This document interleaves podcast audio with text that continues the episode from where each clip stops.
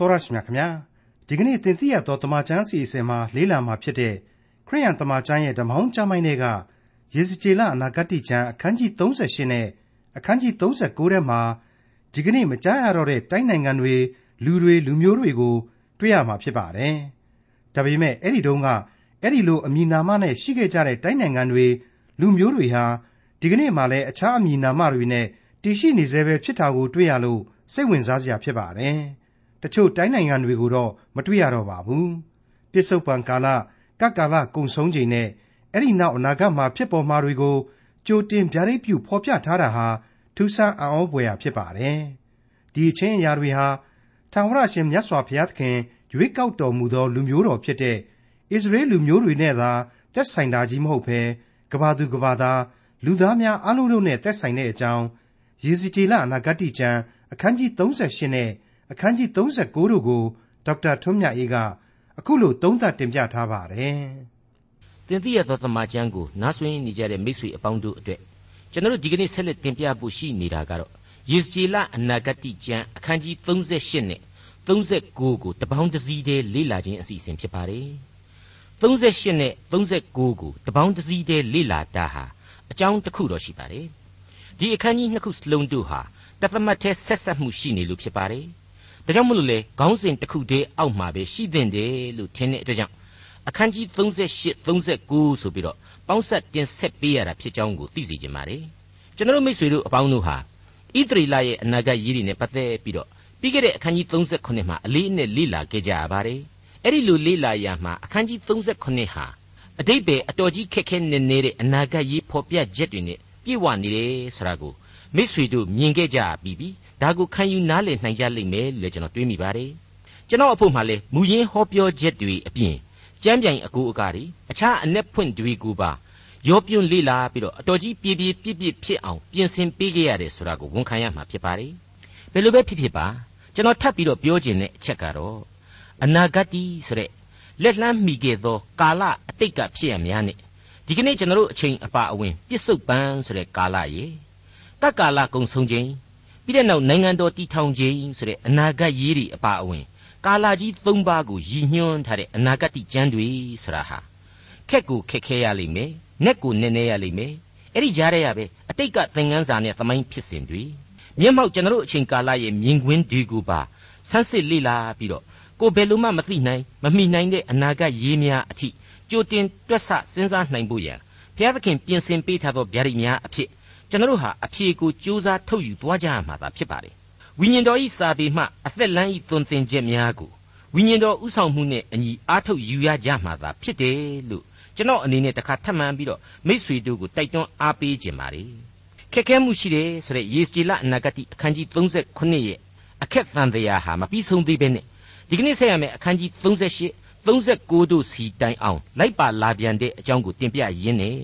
အခန်းကြီး38ကို ဖွင့်လှစ်ကြပါစို့ယေဇေလနဂတိကျမ်းအခန်းကြီး38အငယ်1မှ4တဖန်ထာဝရဘုရား၏နှုတ်ကပတ်တော်သည်ငါစီသို့ရောက်လာ၍အချင်းလူသား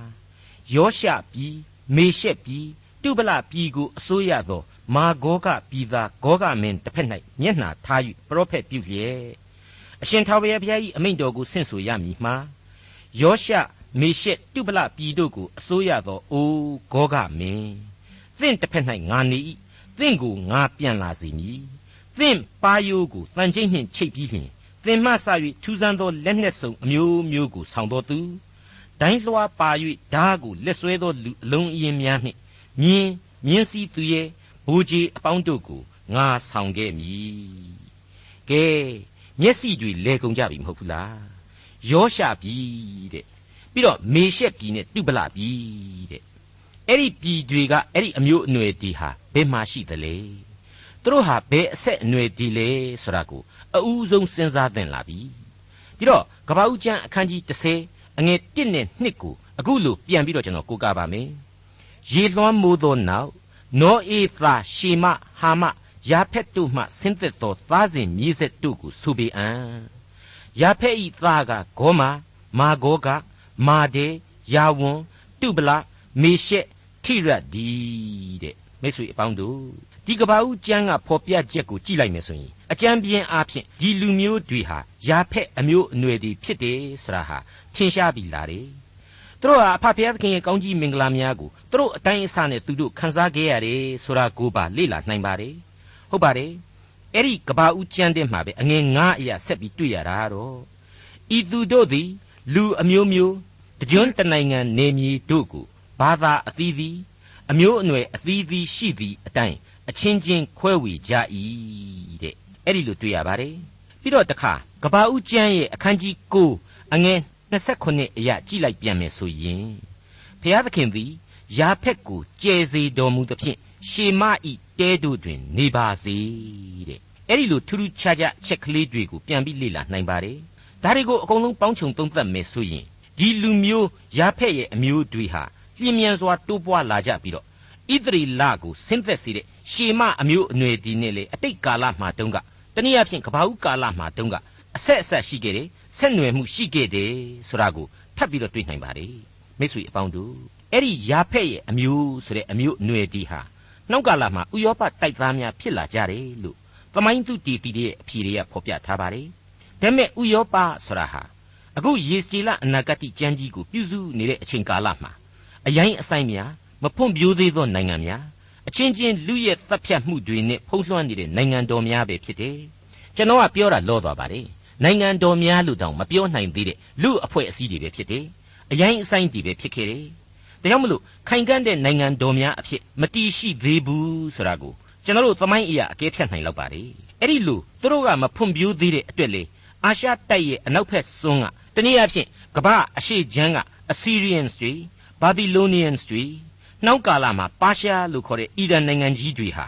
အဲ့ဒီခေတ်မှာဥရောပကိုကောင်းကောင်းကြီးချိုးနှိမ်ထားရင်းနဲ့ကမ္ဘာအင်အားကြီးနိုင်ငံကြီးတွေဖြစ်ခဲ့တယ်ဆိုတာကိုကမ္ဘာသမိုင်းဟာရှင်းလင်းပြသစွာသက်သေတည်နေပါလေအဲ့တော့ယေစကျေလတို့ရဲ့ခေတ်ရဲ့နောက်နှောင်းပိုင်း200ကျော်လောက်ကြာမှ Greek ဆိုတဲ့ဥရောပတောင်ဘက်အစွန်းကမြေထဲပင်လယ်ကမ်းခြေမှာရှိတဲ့မြို့ပြနိုင်ငံဟာပထမဦးဆုံးသောအင်အားကြီးနိုင်ငံဖြစ်လာတယ်။ တနည်းအားဖြင့်ဥရောပဟာယေစကျေလခေတ်ရဲ့နောက်ပိုင်းနှစ်ပေါင်းတော်တော်ကြာမှခေါင်းထောင်လာနိုင်တယ်။သို့ရမဟုတ်ကမ္ဘာအနောက်ချမ်းကအာနာကိုဥရောပတိုက်ဟာအဲ့ဒီအချိန်ကျမှနှောင်းကာလအတော်ကြီးဝေးဝေးကျမှစတင်ပြီးအာနာထူထောင်နိုင်တယ်ဆိုတာကိုကျွန်တော်တို့အကဲဖြတ်နိုင်လောက်ပါလေ။ဒါပေမဲ့အဲ့ဒီလိုအာနာစတင်ထူထောင်နိုင်တဲ့အချိန်ကစပြီးတော့ဥရောပနိုင်ငံတွေဟာတနည်းအားဖြင့်အနောက်နိုင်ငံတွေဟာကမ္ဘာနိုင်ငံရေးအင်အားကိုသူတို့သာလျှင်အများအားဖြင့်စုပ်ကင်ထားမြဲရှိတယ်။ သမိုင်းအစဉ်အဆက်ကမ္ဘာနိုင်ငံရေးချင်းခွင်ရှာဟာအနောက်ဘက်မှာပဲအမြဲတမ်းပို့ပြီးတော့အလေးသာနေတယ်ဆိုတာကိုလေကျွန်တော်တို့ဘယ်လို့မှမေ့ထားလို့မရနိုင်ပါဘူး။အခုယေစီလနာဂတိကျမ်းအခန်းကြီး35အငယ်9မှ9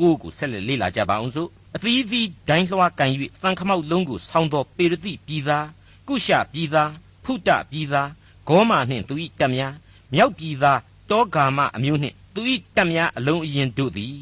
သင်နှင့်အတူလိုက်လာကြလိမ့်မည် သင်သည်မိမိ၌စုဝေးသောလူအလုံးအရင်များနှင့်တကွကိုကိုပြင်ဆင်လော့ပြင်ဆင်လျက်နေလော့သူတို့ကိုစောင့်လျက်နေလော့ကြာမြင့်စွာကာလလွန်ပြီးမှသင်သည်အုတ်ချုပ်ရသောအခွင့်ရှိလိမ့်မည်ဒါဘေးနှင့်လွတ်၍လူအမျိုးမျိုးတဲကနှုတ်သောပြည်သားကြာမြင့်စွာစိတ်ညံလျက်နေသောဣသရေလတောင်တို့အပေါ်သို့တဖန်ဆောင်ခဲ့သောပြည်သားတို့ရှိရာသို့နောင်ကာလ၌သင်သည်စစ်ချီ၍လာလိမ့်မည် ထိုပြည်သားတို့သည်လူအမျိုးမျိုးတဲကနှုတ်ဆောင်သောသူဖြစ်၍တပြည်လုံးညင်ဝတ်လျက်နေရှိနေသောအခါသင်သည်မိုးသက်မုန်တိုင်းကဲ့သို့တက်လာ၍သင်၌ပါသမျှသောတပ်သားအလုံးအင်းနှင့်တကွထိုပြည်ကိုမိုးအုံတကဲ့သို့ဖြစ်လိမ့်မည်မိတ်ဆွေအပေါင်းတို့စောစောကကျွန်တော်တို့ကြားခဲ့ရတဲ့ယောရှပြည်မေရှက်ပြည်တုပလပြည်တို့ဟာမာဂောကပြည်သားဂောဂဆိုတဲ့မင်းရဲ့ဥဆောင်မှုနဲ့ဣသရေလကိုတိုက်ခိုက်လာလိမ့်မယ်တဲ့ အဲ့ဒီလိုတိုက်ခိုက်တဲ့အချိန်မှာလေအလွန်ထူးဆန်းတဲ့လက်နဲ့စုံကိုဆောင်ယူလာမယ်ဆိုတဲ့အချက်ရဲ့နောက်မှာတစ်ခါထပ်ပြီးတော့နောက်ထပ်အင်အားစုတွေပါတိုးပြီးတော့ပါဝင်လာမယ်ဆိုတာကိုတွေ့ရပြီအဲ့ဒီယောရှမေရှက်တုပလနဲ့ပူးတွဲမဲ့မဟာမိတ်အဖွဲ့အစည်းတွေကတော့ပေရသိဆိုတဲ့ပါရှားကုရှာလို့ခေါ်တဲ့အီသီယိုးပီးယားပြီးတော့ကျွန်တော်တို့ဘယ်လို့မှမဖော်ထုတ်နိုင်တဲ့ဖုတပြည်သားဂေါမာနှင့်သူဤတပ်များ ပြီးတော့ကျွန်တော်တို့စဉ်းစားလို့ရနိုင်တဲ့တောကာမအမျိုးနှင့်တပ်များအလုံးအရင်အပေါင်းတို့ပါလာလိမ့်မယ်တဲ့မိတ်ဆွေအပေါင်းတို့ဒီတော့စောစောပိုင်းကကျွန်တော်သီးသန့်မရှင်းရသေးတဲ့ယောရှပြည်ဆိုတာဟာဘာလဲဆိုတာကိုနည်းနည်းနည်းနည်းစဉ်းစားဖို့လိုလာပြီမိတ်ဆွေအပေါင်းတို့ယောရှရဲ့ဘောဟာရမူရင်းဟာဟ Hebrew ဘာသာစကားအဖြစ် Rosh ဆိုတဲ့ဝေါ်ဟာရဖြစ်ပါတယ်။ Dean Stanley Jessenius စတဲ့ပညာရှင်ကြီးတွေရဲ့အဆိုအရကတော့ Russia ဆိုတဲ့အမည်ဟာ အခု Rosh ကဆင်းသက်လာတယ်လို့ပြောကြပါတယ်။အဲ့ဒီတော့သူတို့ရဲ့အဆိုအရဆိုလို့ရှိရင်ဓမ္မဟောင်းကျမ်းများတဲ့ကနေပြီးတော့ခေတ်သစ်စီလိုရောက်တည်တိုင်အောင်အလွန်ကြီးကျယ်တဲ့နိုင်ငံကြီးတစ်ခုရဲ့အမည်နာမနဲ့သမုတ်ပြီးဖော်ပြတာရယ်လို့ဆိုရင်အဲ့ဒီနှုတ်ကပတ်တော်မှာရုရှားနိုင်ငံကြီးတစ်ခုပဲရှိတယ်ဆိုတာကိုကျွန်တော်တို့တအံ့တော်တွေ့လာရပါတယ်အဲ့ဒီရုရှားဟာဟိုးအရင်တုန်းကမော်စကိုဗိုက်လို့ခေါ်ခဲ့တယ်မော်စကိုဗိုက်ဟာမေရှက်ကနေတိုက်ရိုက်ဆင်းသက်လာခြင်းဖြစ်တယ်တုပလဆိုတဲ့ဝေါ်ဟာရကျတော့ အဲ့ဒီရုရှားရဲ့မြောက်ဖက်ခြမ်းစိုက်ဘေးရီးယားရေခဲပြင်ဒေသကတိုဘော့ဆိုတဲ့ရဝန်းဒေသတစ်ခုအဖြစ်ယခုတိုင်အောင်အမိပြောင်းလဲတည်ရှိနေတယ်ဆိုပြီးတော့လေသူတေဖီတော်တော်များများကဝိုင်းဝန်းပြီးတော့ခံယူထားကြတယ်ဖော်ပြထားကြပါတယ်ဒါကကျွန်တော်ကဘ ഹു တုတအဖြစ်လဲပြောရင်ဒီသင်ခန်းစာကိုလည်းရှင်းညင်လို့ပါတနည်းအားဖြင့်ရောရှဆရာဟာလေယာဖက်အမျိုးအနွယ်ဥရောပလူမျိုးကြီးတစ်ခုဆရာဟာကျွန်တော်တို့အားလုံးရှင်းရှင်းလင်းလင်းတွေးဆနိုင်ပါတယ်အဲ့တော့အခုယောရှရေ မေရှေရေတုပလပြီဆရာတွေဟာဥရောပတိုက်ခဲက20ရာစုအင်အားကြီးနိုင်ငံတော်ကြီးဖြစ်နိုင်တယ်ဆိုရင်နိုင်ငံတော်ကြီးများဖြစ်နိုင်တယ်ဆိုရင်ဂောဂဆိုတာဟာဘာအတိတ်ပဲဖြစ်တယ်လဲဆိုပြီးတော့ဆက်လက်စဉ်းစားတိုက်လာပါတယ်ဂောဂဆိုတာဟာခေါင်မိုးဆိုတဲ့အတိတ်ပဲရှိပါတယ်အာနာရှင်ကြီးလွှမ်းမိုးနိုင်စွမ်းရှိသူကြီးဆိုတဲ့အတိတ်ပဲပေါ်လာပါတယ်ဘာဖြစ်လို့အဲ့ဒီလိုသူ့ကိုအကျွင်းမဲ့အာနာရှင်ကြီးလို့ပြောနိုင်တယ်လဲဆိုတော့ သူဟာအခြားနိုင်ငံတော်များကိုပါဦးစီးဦးဆောင်ပြုပြီးတော့တပ်ပေါင်းစုကြီးဖွဲ့ပြီးတော့ဣသရေလကိုစစ်ချီလာနိုင်လို့ပဲဖြစ်ပါတယ်ဟုတ်ပါတယ်ထူးဆန်းသောလက်နဲ့စုံနဲ့အတူတဲ့အံ့ဩစရာမကောင်းဘူးလားမိတ်ဆွေအပေါင်းတို့ကျွန်တော်အခု20ရာစုနှစ်ရဲ့လက်နဲ့ကြီးတွေဟာတောင်မှသိပ်ပြီးတော့ထူးဆန်းနေပါပြီနော်အနာဂတ်ကာလကတ်ကာလကုံဆုံးခြင်းမှာဘလောက်များထူးဆန်းတဲ့လက်နဲ့စုံနေရှိမလဲဆိုတာကျွန်တော်ဘယ်သူမှအဖြေကိုအတိအကျပေးလို့မရဘူး အဲ့ဒီထူးဆန်းသောလက်နဲ့စုံတဲ့အဲ့ဒီရောရှဥဆောင်တဲ့မေရှက်တုပလအပေါင်းတို့ဟာဂောဂဆိုတဲ့အာနာရှင်ကြီးနဲ့အတူအာနာရှင်ကြီးရဲ့ဥဆောင်မှုမှာမဟာမိတ်တပ်ကြီးဖွဲ့ပြီးတော့ဣသရေလကိုတိုက်ခိုက်လာလိမ့်မယ်တဲ့တိုက်ခိုက်ရမှာလေသူတို့ကြီးပဲမဟုတ်သေးဘူးနော်အသီးသီးဒိုင်းသွားကန်၍သံခမောက်လုံးကိုဆောင်းသောပေရတိပြည်သားကုရှပြည်သားဖုတပြည်သားဂေါမာနှင့်သူ၏တပ်များမြောက်ပြည်သားတောဂါမအမျိုးနှင့်သူ၏တပ်များအလုံးအရင်အပေါင်းတို့သည်လေ သူနဲ့အတူလိုက်လာကြလိမ့်မယ်တဲ့အဲ့ဒီလိုနှုတ်ကပတ်တော်ကဖော်ပြလိုက်ပါတယ်မိတ်ဆွေအပေါင်းတို့အဲ့ဒီအထက်ကဂေါမာဆိုတာကတော့ဂျာမနီနိုင်ငံကိုဆိုလိုခြင်းဆိုပြီးတော့သူတေတီတွေသဘောတူထားကြတယ်တောဂါမဆိုတာကတော့တခြားမဟုတ်ဘူးတူရကီနိုင်ငံကိုဆိုလိုခြင်းပဲလို့ပြောတယ်ဒါဆိုရင်ယာဖက်အမျိုးအနွယ်တွေဖြစ်တဲ့ဥရောပနိုင်ငံတွေကနေပြီးတော့ ဣသရေလကိုချီတက်တိုက်ခိုက်လာကြလိမ့်မယ်ဆိုပြီးတော့အခုယေစီလအနာဂတ်ဟာကြိုတင်ဖော်ပြလိုက်တယ်ဆိုတဲ့အဖြေကိုကျွန်တော်အနေနဲ့ရှင်းရှင်းလင်းလင်းလေးထုတ်နှုတ်နိုင်ပါပြီဒါပေမဲ့အဖဖျားသခင်ရဲ့အသက်လန်းစာပေတဲ့အနာဂတ်ကျမ်းဟာကျွန်တော်ဏ္ဍန်ပြုခဲ့တယ်လို့ပဲအင်မတန်ခက်ခဲနေနေပါတယ်နော်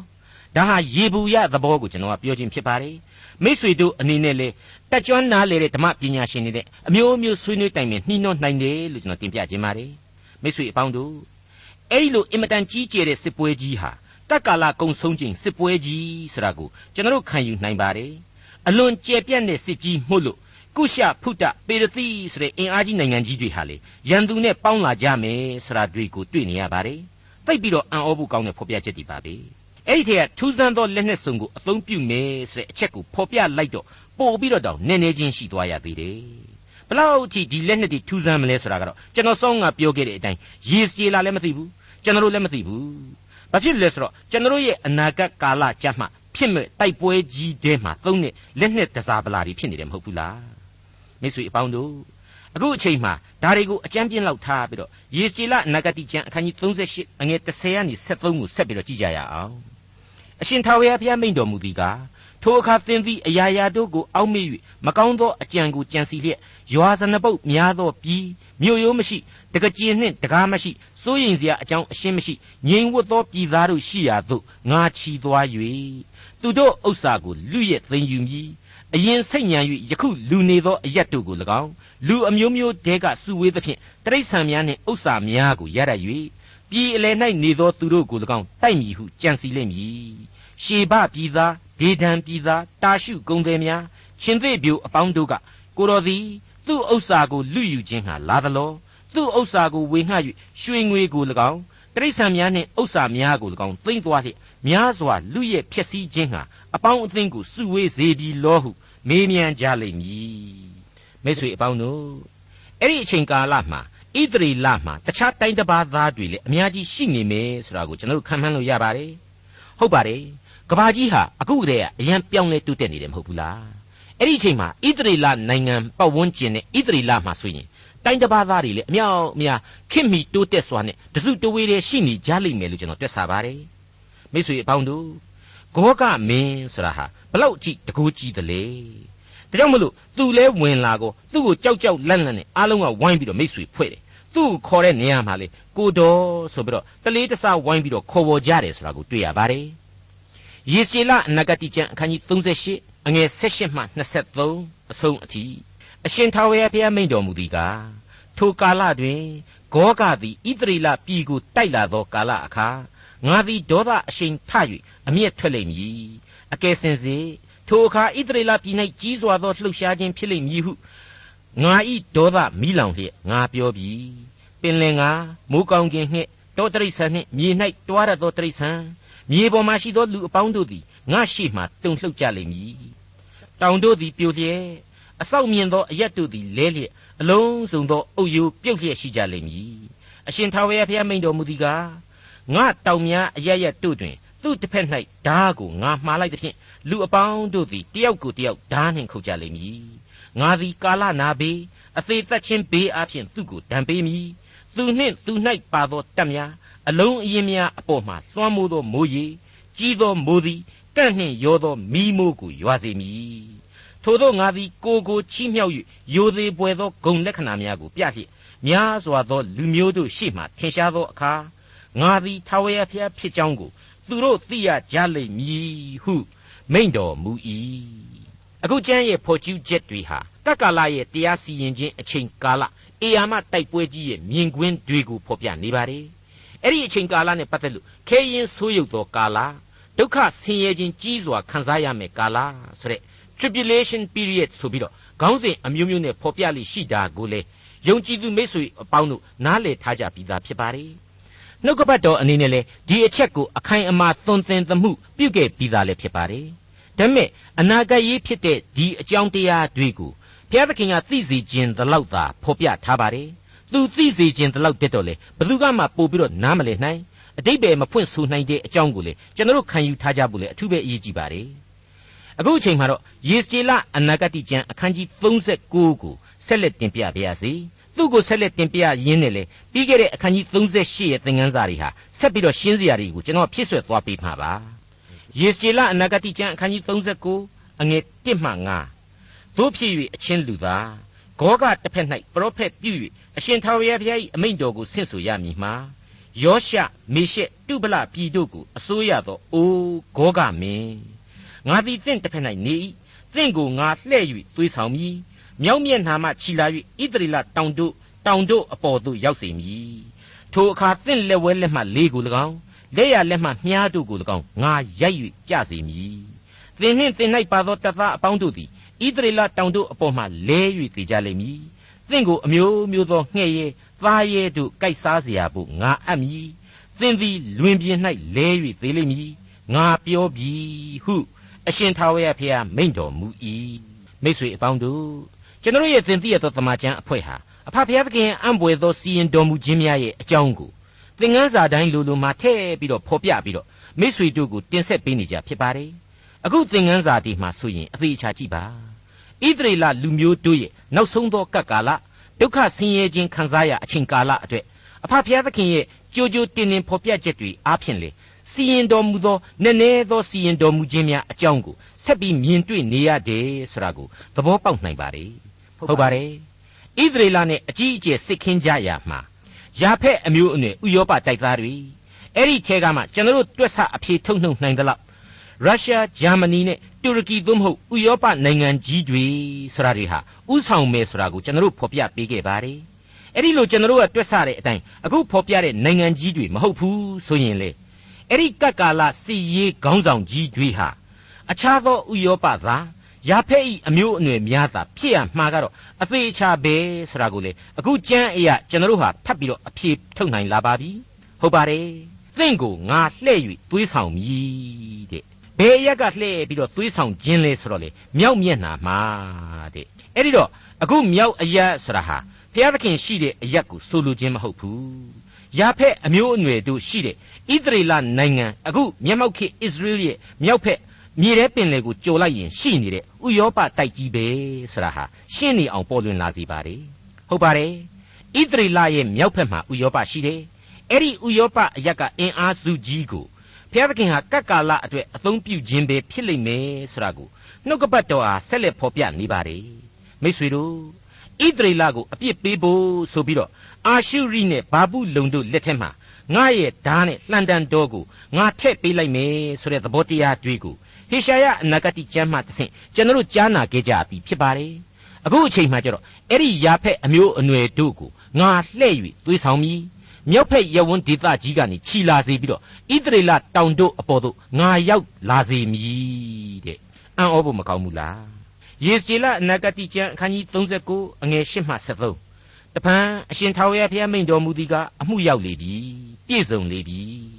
ယခုနေ့ရက်သည်ငါမိမ့်မွဲ့နှင့်ပြီးသောနေ့ရက်ဖြစ်၏ဣသရေလမြို့တို့၌နေသောသူတို့သည်ထွက်သွား၍စစ်တိုက်လက်နှင့်ဒိုင်းလွှားလေးမြားဒုတ်လှမ်းများကိုခုနှစ်နှစ်ပတ်လုံးမိရှုကြလိမ့်မည် ထိုကာလတွင်ဥယျာဉ်၌ခင်းမခွေတော၌မခုတ်မလှဲ့စစ်တိုက်လက်နှင့်တို့ကိုမိနှင့်မှုေးကြလိမ့်မည်မိမှုေးကြလိမ့်မည်ဖျက်ဆီးသောသူတို့ကိုဖျက်ဆီးကြလိမ့်မည်လူယူသောသူတို့၏ဥစ္စာကိုလည်းလူယူကြလိမ့်မည်ဟုအရှင်ထာဝရဘုရားမိန့်တော်မူ၏ထိုကာလတွင်ဣသရေလပြည်အိုင်အရှိခยีသွားရာကြိုက်၌ထင်ရှားသောသင်္ချိုင်းကိုဂောကအားငါပေးမည်ခยีသွားသောသူတို့သည်နှာခေါင်းကိုပိတ်ရကြလိမ့်မည်ထိုအရ၌ဂောကနှင့်သူ၏အလုံးအရင် သူ၏လူအလုံးအရင်ရှိသမျှကိုမြေ၌မြုပ်၍ထိုကြိုက်သည်ဟာမုံဂောကကြိုက်အမိဖြင့်တွင်လိမ့်မည်ဣသရေလအမျိုးသားတို့သည်ပြည်ကိုတန်ရှင်းခြင်းဟာခုနှစ်နှစ်ပတ်လုံးမြေ၌မြုပ်ကြလိမ့်မည်ပြည်သားအပေါင်းတို့သည်ဝိုင်း၍မြေ၌မြုပ်သဖြင့်ငါ၏ဘုံပွင့်သောထိုနေ့ရ၌သူတို့သည်လည်းကြော်စောခြင်းသို့ရောက်ကြလိမ့်မည်ဟုအရှင်ထာဝရဘုရားမိန့်တော်မူ၏မိတ်ဆွေအပေါင်းတို့ဒီနေရာမှာအရေးတကြီးသတိထားဖို့အချက်ကတော့ အဲ့ဒီယောရှတို့ဂောဂတို့ဒုက္ခရောက်မယ်အခက်ပဲဒုက္ခရောက်မယ်အဖြစ်ပဲဟုတ်တယ်ခဲ့နေတာကတော့ကြွားချမှုဟာအာရှုရိနဲ့ဘာပုလုံတို့ကိုအတိတ်ကာလတုန်းကလက်နဲ့တက်ဆင်ပေးခဲ့သောဘုရားသခင်ရဲ့စီရင်တော်မူခြင်းပဲဟုတ်တယ်အာရှုရိနဲ့ဘာပုလုံတွေကိုလက်နဲ့တက်ဆင်ပေးခဲ့တဲ့အဖဘုရားသခင်ရဲ့အလိုတော်ဟာ အတိတ်ကာလတုန်းကဆိုရင်အဲ့ဒီအာရှုရိနဲ့ဘာပုလုံတို့ကိုဣသရေလတို့ကိုမှုံမှုံကြီးရဲ့ခြေပြီးတော့ကျွန်ပြုတ်ပြီးတော့အနိုင်ရယူဖို့ဖြစ်တယ်အခုယာဖက်ရဲ့သားဥယောပနဲ့အပေါင်းအသင်းများကိုလက်နဲ့တက်ဆင်ပြီးတော့မြောက်ဖက်အရက်ကနေခြီဆောင်ပေးလာတာကတော့အဲ့ဒီပုံကိုတွေ့ကိုဣသရေလတောင်ကုန်းတန်းတွေပေါ်မှာဣသရေလတောင်ရိုးတွေပေါ်မှာမြေမြုပ်ပစ်ဖို့တဲ့ကြက်သိမ်းမွေးချင်းထားเสียမကောင်းဘူးလားမိတ်ဆွေအဲ့ဒါဟာ ထူးဆန်းသောလက်နှစ်စုံကြီးများနဲ့အပြိုင်အဆိုင်တွေတိုက်ခိုက်ပြီးတော့အတုံးအယုံသေးချေပျက်စီးခြင်းအကြောင်းကိုဖော်ပြလိုက်တာပဲအဲ့ဒီအလောင်းတွေနဲ့ပျက်စီးမှုတွေဟာလေဘလောက်တောင်ကြီးမားမလဲဆိုရင်ခုနှစ်နှစ်တိုင်အောင်ရှင်းလင်းပေးရတဲ့အထိကြောက်ခမန်းလိလိများပြမယ်တဲ့အဲ့အလောင်းတွေကိုရှင်းနေရတဲ့အချိန်မှလေလူတွေအကုန်လုံးဟာနှာခေါင်းတောင်မပိတ်ထားမယ်တဲ့တနည်းအားဖြင့်တော့နန်းစော်နေလူပေါ့ယေစကျေလအနာဂတိကျမ်းအခန်းကြီး39အငယ်16ကနေ20အတွင်းအချက်တွေဟာ လူသားတို့ကိုမင်းတို့အတွက်ဖြစ်တယ်မင်းတို့အုပ်ဆိုးကြပါမင်းတို့ကြိုက်တယ်လို့စီရင်ကြပါဆိုပြီးတော့လူသားတွေအတွက်ဖန်ဆင်းပေးထားခဲ့ပါသောအဟိတ်တိရစ္ဆာန်တို့ကိုတောင်မှဘုရားသခင်ကဆင့်ဆိုပြီးတော့တစ်ချိန်ကသူကောင်းကြီးပေးခဲ့ပြီးတော့ဒီတိရစ္ဆာန်တွေကိုနိုင်စားစေခဲ့တဲ့လူတွေလူသားတွေနဲ့တိရစ္ဆာန်တွေကိုတစ်လှည့်ပြန်ပြီးတော့အောင်ပွဲခံစီခြင်းအကြောင်းကိုဖော်ပြလိုက်ပါတယ်အလွန်ကြက်သိမ်းမွေးခြင်းထစရာကောင်းလာတဲ့အပိုင်းပါပဲရေကျေလအနာဂတိကျမ်းအခန်းကြီး39 အငယ်16မှ20အချင်းလူသားအရှင်ထာဝရဘုရား၏အမိန့်တော်ကိုငှက်အမျိုးမျိုးတို့နှင့်မြေတိရစ္ဆာန်ခတ်သိမ်းတို့အားဆင့်ဆိုရမည်မှာစီးဝေး၍လာကြလော့ဣသရေလတောင်တို့အပေါ်၌သင်တို့အဖို့ငါစီရင်သောရစ်ပွဲကြီးသို့အရရက်တို့ကစီးဝေး၍အသားအသွေးကိုတောက်စားခြင်းဟာလာကြလော့သင်တို့သည်အာကြီးသောသူတို့၏အသားလောကီမင်းတို့၏အသွေးဘာရှံပြည်၌ဆူအောင်ကျွေးသောသူသည်စိတ်ကြီး နွားလာဥဒ္ဓဖတို့၏အသားအသွေးကိုတောက်စားရကြလိမ့်မည်သင်တို့အဖို့ငါစီရင်သောရစ်ပွဲ၌စီဥကိုဝါစွာစားရကြလိမ့်မည်အသွေးနှင့်ရစ်မှုသည့်တိုင်အောင်တောက်ရကြလိမ့်မည်ထို့သောစပွဲ၌မြင်းမြင်းစီသူရဲ့ခွန်အားကြီးသောသူစစ်တိုက်သောသူအမျိုးမျိုးတို့ကိုဝါစွာစားရကြလိမ့်မည်ဟုအရှင်ထာဝရဘုရားမိန့်တော်မူ၏တွေ့ကြတဲ့အတိုင်းပါပဲပုတ်ပြက်တတ်သောမြေကြီးသားတို့ရဲ့ဇာတိပဂိခန္ဓာများရဲ့တန်ဖိုးအမှန်ကိုတက္ကာလတိုက်ပွဲကြီးဟာ ပြည့်ရပြုတ်ဖို့ရန်အတွက်အနာဂတ်ကာလမှာအသင့်စောင့်ကြိုလျက်နေပြီဆိုတာရှင်းနေပြီမဟုတ်ဘူးလားထိုသူအပေါင်းတို့ဤအလောင်းထိုသူအပေါင်းတို့ဤအသွေးအသားများကိုသုံးဆောင်မဲ့တိရစ္ဆာန်များနဲ့တကွမြေကြီးသားတို့ရဲ့တန်ဖိုးအမှန်ကို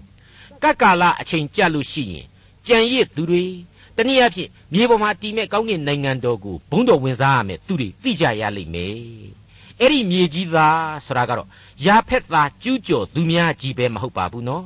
ဣသရေလအပြစ်သားအပေါင်းတို့လည်းပါဝင်ကြမှာပါကမ္ဘာလူသားပေါင်းများစွာတို့လည်းပါဝင်ကြရမှာပါမိတ်ဆွေအပေါင်းတို့အခုဒီကနေ့လေ့လာသွားခဲ့တဲ့ယေစကြည်လအနာဂတ်ကျမ်းအခန်းကြီး38 39တို့မှာအံ့ဩဖွယ်သောအဖဖျားသခင်ရဲ့ဘုန်းတော်ကိုကျွန်တော်တို့ထိတွေ့ခံစားရပါတယ်လွန်ခဲ့တဲ့နှစ်ပေါင်း2500ဒီကျမ်းကိုပြုစုနေတဲ့အချိန်မှာယာဖက်ရဲ့အမျိုးအနွယ်ဥယောပါဆိုတာဟာ